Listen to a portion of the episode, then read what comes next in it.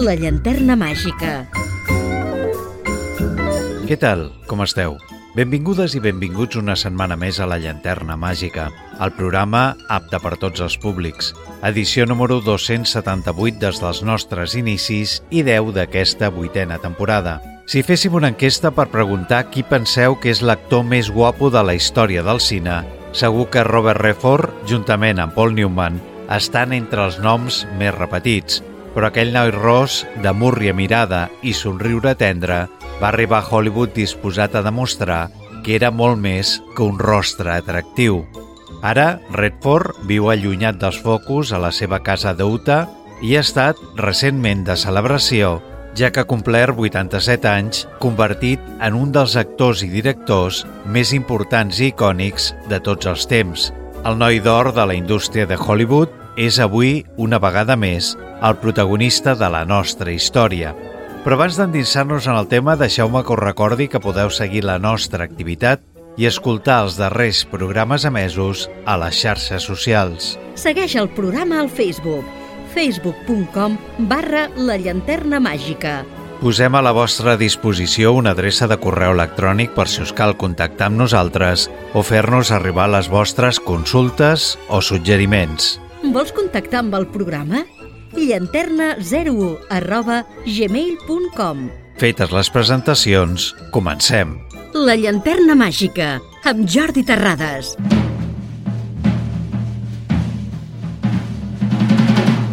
Charles Robert Redford va néixer a Santa Mònica, a Califòrnia, un dimecres 18 d'agost de 1937. El seu pare, Charles Redford, treballava com a lleter i més tard com a comptable d'una companyia petrolera, la Standard Oil. La seva mare, Martha Hart, era mestressa de casa. Ella ja tenia un fill fruit del seu anterior matrimoni, William Cumber. El petit Robert compartia amb la seva mare l'amor pel cine i els llibres, el temps que l'ensenyava a dibuixar.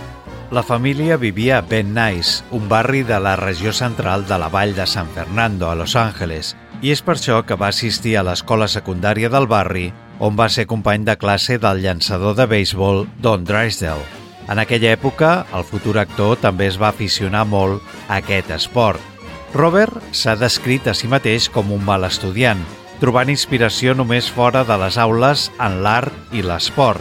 Després de graduar-se l'any 1954 i coincidint amb la mort de la seva mare a causa d'un càncer, amb només 37 anys, Robert va matricular-se a la Universitat de Colorado, la universitat més gran de l'estat, amb una beca de béisbol. Però ja en aquella època, la futura estrella tenia una forta reputació de noi de la nit. Raindrops are falling on my head And just like the guy whose feet are too big for his bed Nothing seems to fit Those raindrops are falling on my head They keep falling So I just did me some talking to the sun. And I said I didn't like the way he got things done. Sleeping on the job Those raindrops are falling on my head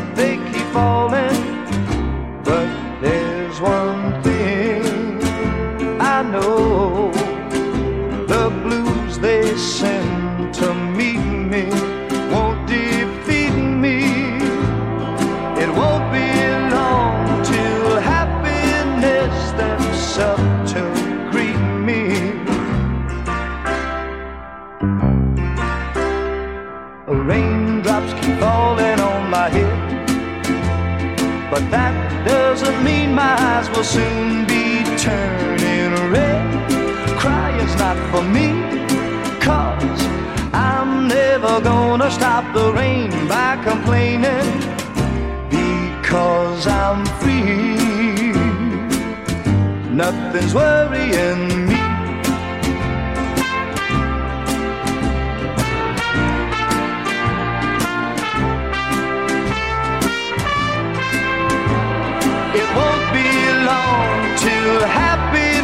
steps up to greet me.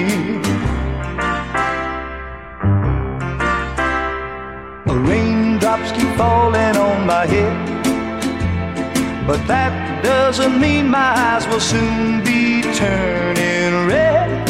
Crying's not for me, cause I'm never gonna stop the rain by complaining. Because I'm free, nothing's worrying me.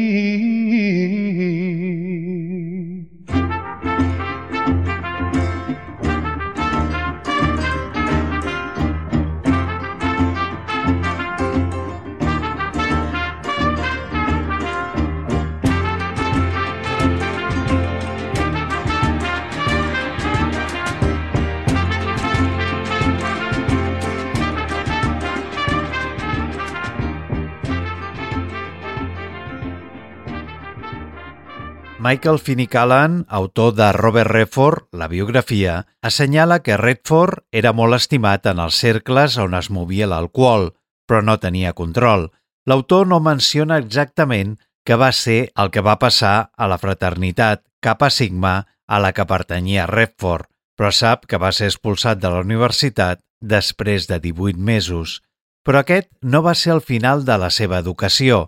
Després d'haver perdut la seva beca, Robert va decidir traslladar-se a Europa amb l'esperança de convertir-se en un artista i va passar un temps aprenent a pintar a Florència i a París, on va estudiar a l'Escola de Belles Arts de la ciutat.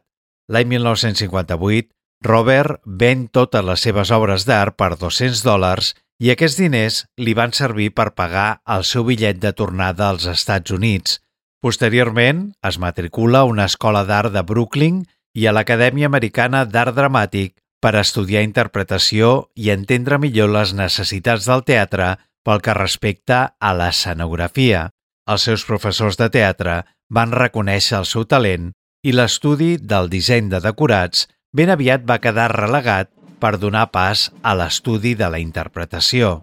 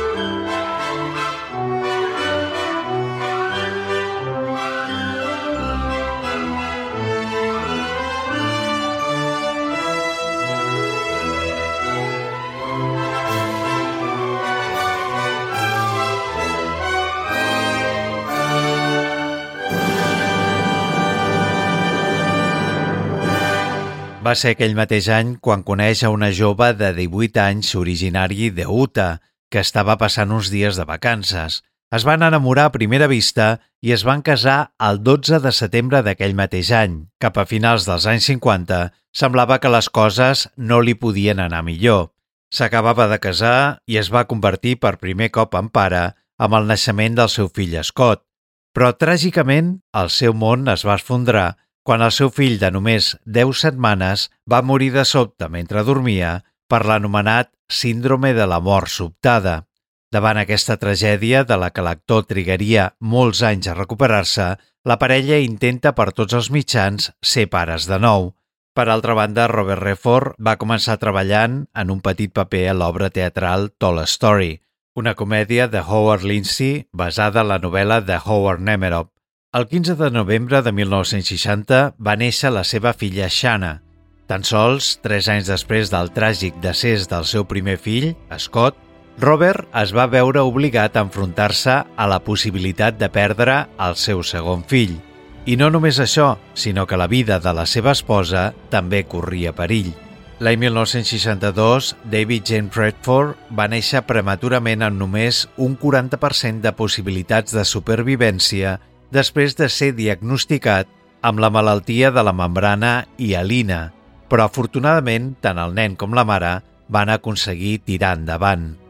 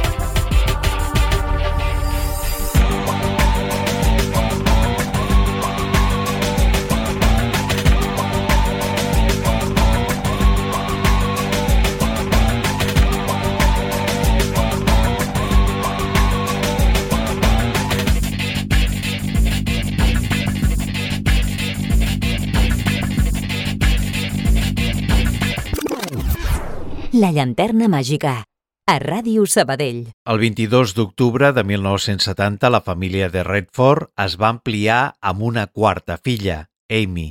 L'any 1983 la tragèdia va tornar a colpejar la família de Robert Redford i en aquesta ocasió a la seva filla Shona, de 23 anys. Encara sent un misteri sense resoldre, Sid Wells, el xicot de Shona, va rebre un tret mortal al clatell en el seu departament a la Universitat de Colorado. El seu company d'habitació, Tain Smaika, va ser el principal sospitós, però encara que va ser arrestat, la falta de proves va fer que Smaika no fos acusat ni processat i tres anys més tard va fugir dels Estats Units. Des d'aleshores no ha tornat a ser vist. Robert Redford i Lola Ben Wagenen semblaven ser un dels matrimonis més estables de Hollywood, però tot i això, després de 27 anys, l'any 1985, es van divorciar. Redford era tan reservat que la notícia no va transcendir i ningú ho va saber fins que una dècada després els mitjans van confirmar el divorci. L'any següent s'enamora de la seva companya de repartiment a la pel·lícula Peligrosamente Juntos, Debra Winger, però la relació dura poc temps ja que ella el deixa per un jove actor que ell mateix li havia presentat, Timothy Hutton, amb el que decideix casar-se.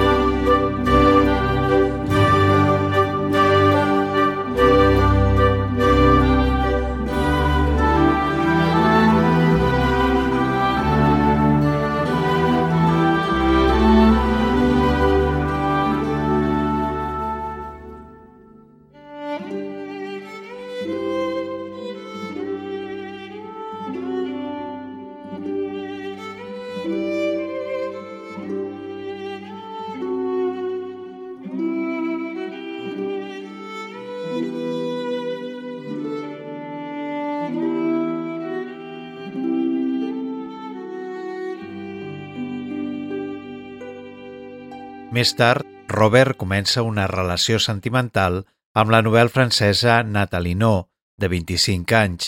L'actor va anar a viure amb ella malgrat els seus 26 anys de diferència. Uns anys més tard, Robert manté una relació estable amb l'actriu brasilera Sònia Braga. Van estar junts set anys i fins i tot van saltar els rumors d'una possible boda, però l'actor va manifestar trobar-se bé així i que entre els seus plans no estava tornar a casar-se, una declaració que quedaria amb un no-res quan l'any 2009 Redford decideix donar-li una nova oportunitat a l'amor i després d'una llarga amistat de 13 anys amb la pintora alemanya Sibyl Sagars, finalment l'actor de 72 anys va decidir formalitzar la relació casant-se amb la seva promesa 20 anys menor que ell. Redford i Zagars es van enamorar l'any 1996 i des d'aleshores han compartit la vida plegats al ranxo que l'actor posseix a Utah, convertint-se en una de les parelles més consolidades de Hollywood.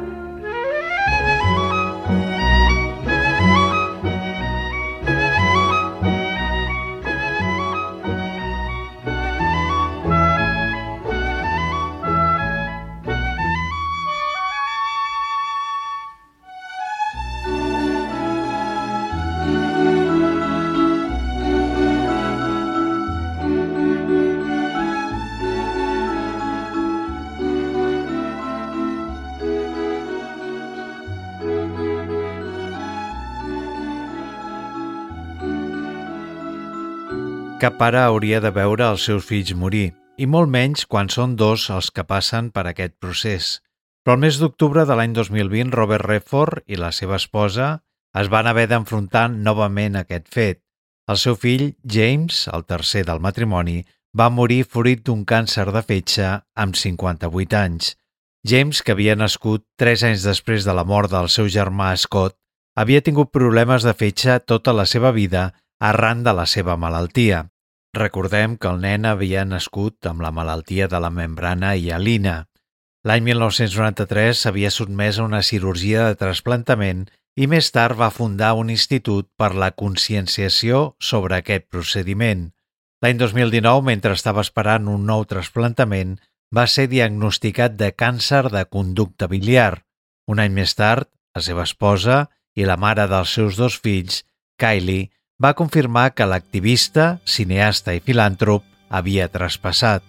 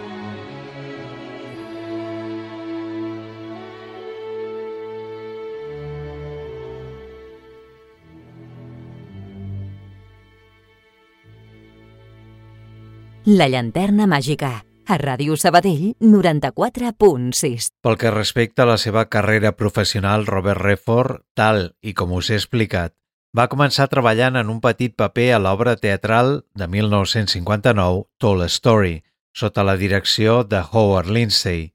Aquesta obra de Broadway va ser portada a la gran pantalla per la Warner Bros. l'any 1960 sota la direcció de Joshua Logan, una cinta protagonitzada per Anthony Perkins amb Jane Fonda i Robert Redford debutant a la indústria cinematogràfica. També va fer la seva incursió en el món de la televisió gràcies a sèries tan importants com Ruta 66, La Dimensió Desconocida, La Ciutat Desnuda i Los Intocables, entre d'altres. El seu primer treball protagonista a Broadway no arribaria fins l'any 1961. Concretament, el 27 de novembre d'aquell any, s'estrenava al Cor Theatre Sunday in New York, comèdia de Norman Krasna sota la direcció de Garson Kennen. Després va seguir Descalzos en el Parque de Neil Simon l'any 1967. Robert va protagonitzar tant l'obra en la seva versió teatral com pel cine, al costat de Jane Fonda. També va participar a La Rebelde, de Robert Mulligan, i Propietat condenada, de Sidney Pollack. Aquell mateix any s'estrenaria La jauria humana, adaptació de la novel·la de Horton Foote, sota la direcció d'Arthur Penn i protagonitzada per Marlon Brando, Angie Dickinson, Jane Fonda i el propi Redford.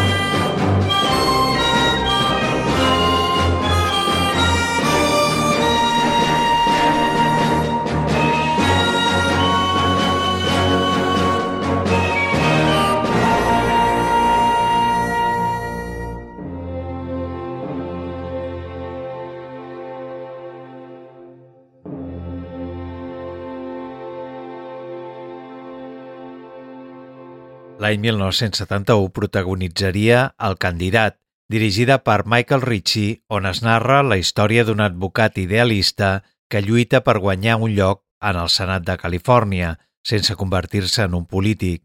D'aquesta mateixa època són Un diamant molt calent, Dos hombres i un destino i El cop, aquestes dues amb Paul Newman.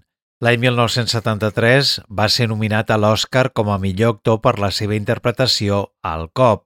El Cop va rebre 10 nominacions en total, aconseguint endur-se 7 estatuetes a millor pel·lícula, direcció, guió original, muntatge, cançó original, disseny de producció i vestuari. En plens anys 30, Henry Gondorf i Johnny Hooker són dos barruts que es dediquen a estafar i endur-se grans sumes de diners a la butxaca. La mort d'un amic a mans d'un gàngster els provocarà desitjos de venjança. Per aquest motiu, ordiran un enginyós i complicat pla amb l'ajut de tots els seus amics i coneguts. El cop va catapultar l'estrellat a Robert Redford, convertint-lo en l'actor més cobdiciat de Hollywood. Per a la posteritat, han quedat les saltarines notes del piano de Scott Joplin, mítica estrella de l'estil ragtime.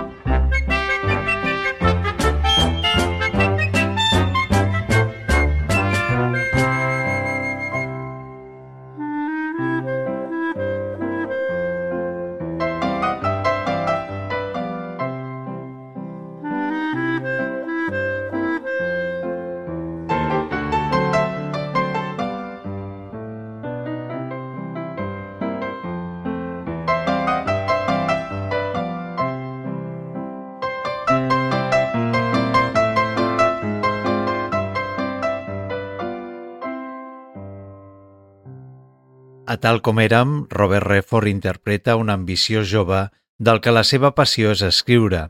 Està convençut de que pot convertir-se en el guionista més sol·licitat de Hollywood i està disposat a treballar dur per aconseguir-ho. Està enamorat d'una noia molt dolça que interpreta Barbara Streisand i que l'estima amb bogeria, però ella li demana alguna cosa més. Redford està massa abocat en el seu somni i s'oblida de la persona que té al costat. Quan sorgeixen problemes motivats per una sèrie de desavinences del destí, els seus temperaments xoquen. Un drama romàntic en tota regla que compta amb una magnífica parella protagonista en plenitud de facultats, una incursió a les parts més ocultes de l'enamorament que Pollack desenvolupa amb agudesa. D'aquest director és coneguda la seva peculiar manera de treballar. Comença les pel·lícules sense un guió tancat i el va elaborant a mesura que evoluciona el rodatge. El tema musical, The Way We Were, interpretat per la meravellosa veu de Streisand i la banda sonora, van ser mereixedores d'una estatueta.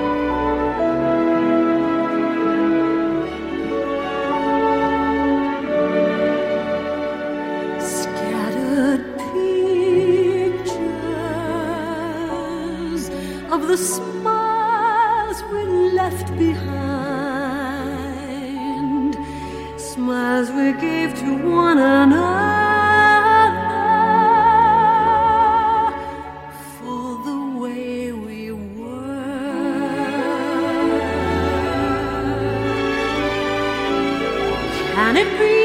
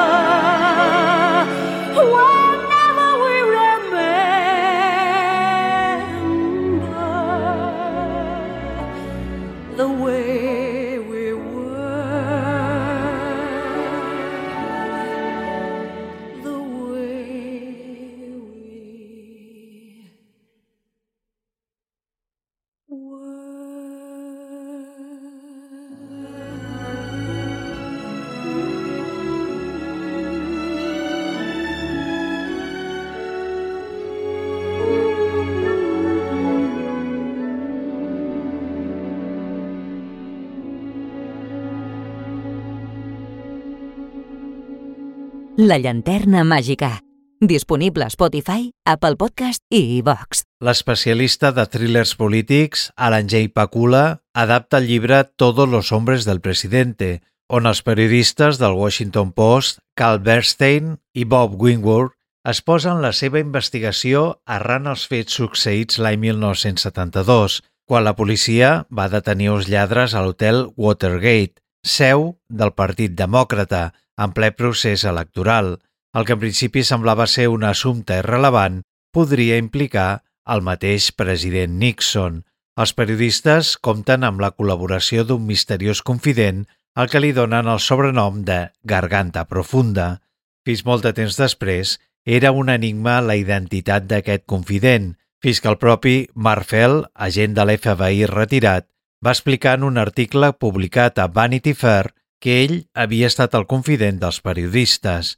Es tractava d'un film molt difícil perquè Pakula corria el risc de que l'espectador es perdés en un mar de dades, però el cineasta aprofita el carisma dels seus protagonistes i secundaris i exprimeix l'intel·ligent guió de William Goldman que resumeix en gran encert l'assumpte. La seva visió idealitzada de la premsa va guanyar quatre Òscar.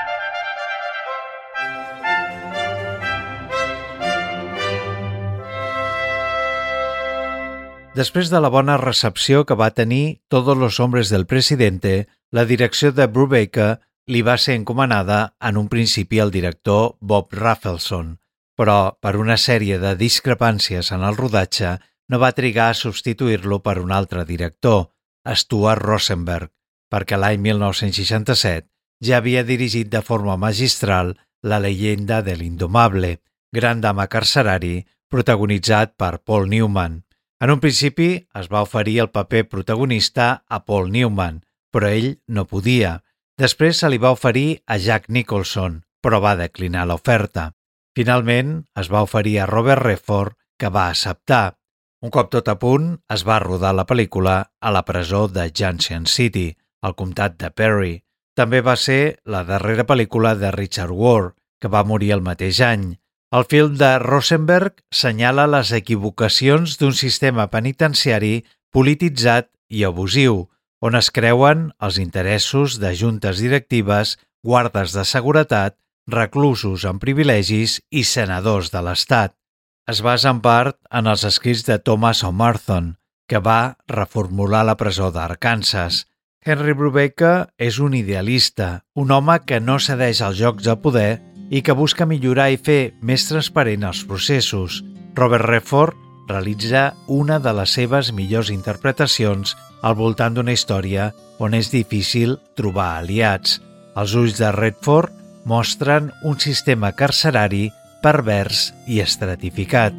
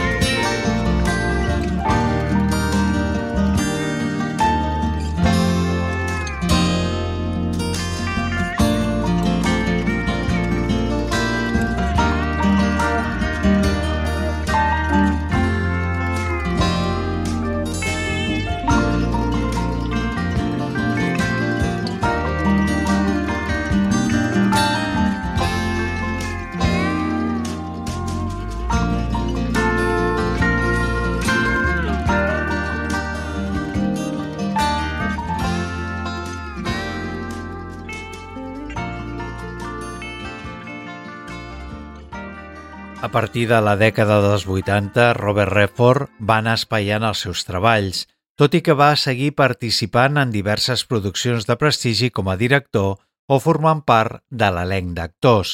Entre elles destaquen Memòries d'Àfrica de Sidney Pollack, Quiz Show, El Dilema, dirigida pel propi Redford, o la seva aparició sorpresa a la pel·lícula Vengadores Endgame, la seva darrera aparició com a actor l'any 2019.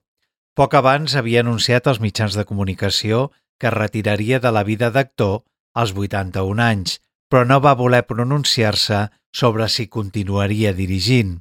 L'any 2016, una iniciativa al nostre país va proposar la candidatura de Redford al Premi Princesa d'Astúries de les Arts per l'exemplaritat de la seva carrera, tan variada com honesta, i la seva transcendència internacional, així com per la seva contribució al desenvolupament del cine independent mitjançant el recolzament als joves cineastes. Finalment, el premi va recaure en la nostra estimada Núria Esper. Malgrat tot, i els seus 87 anys, Redford continua sent el noi d'or de la meca del cine. Rebeu una salutació de qui us ha estat acompanyant al llarg d'aquest programa, Jordi Terrades. Gràcies per la vostra atenció. Com sempre us diem, sense vosaltres no seríem res i us esperem a la propera edició de la Llanterna Màgica.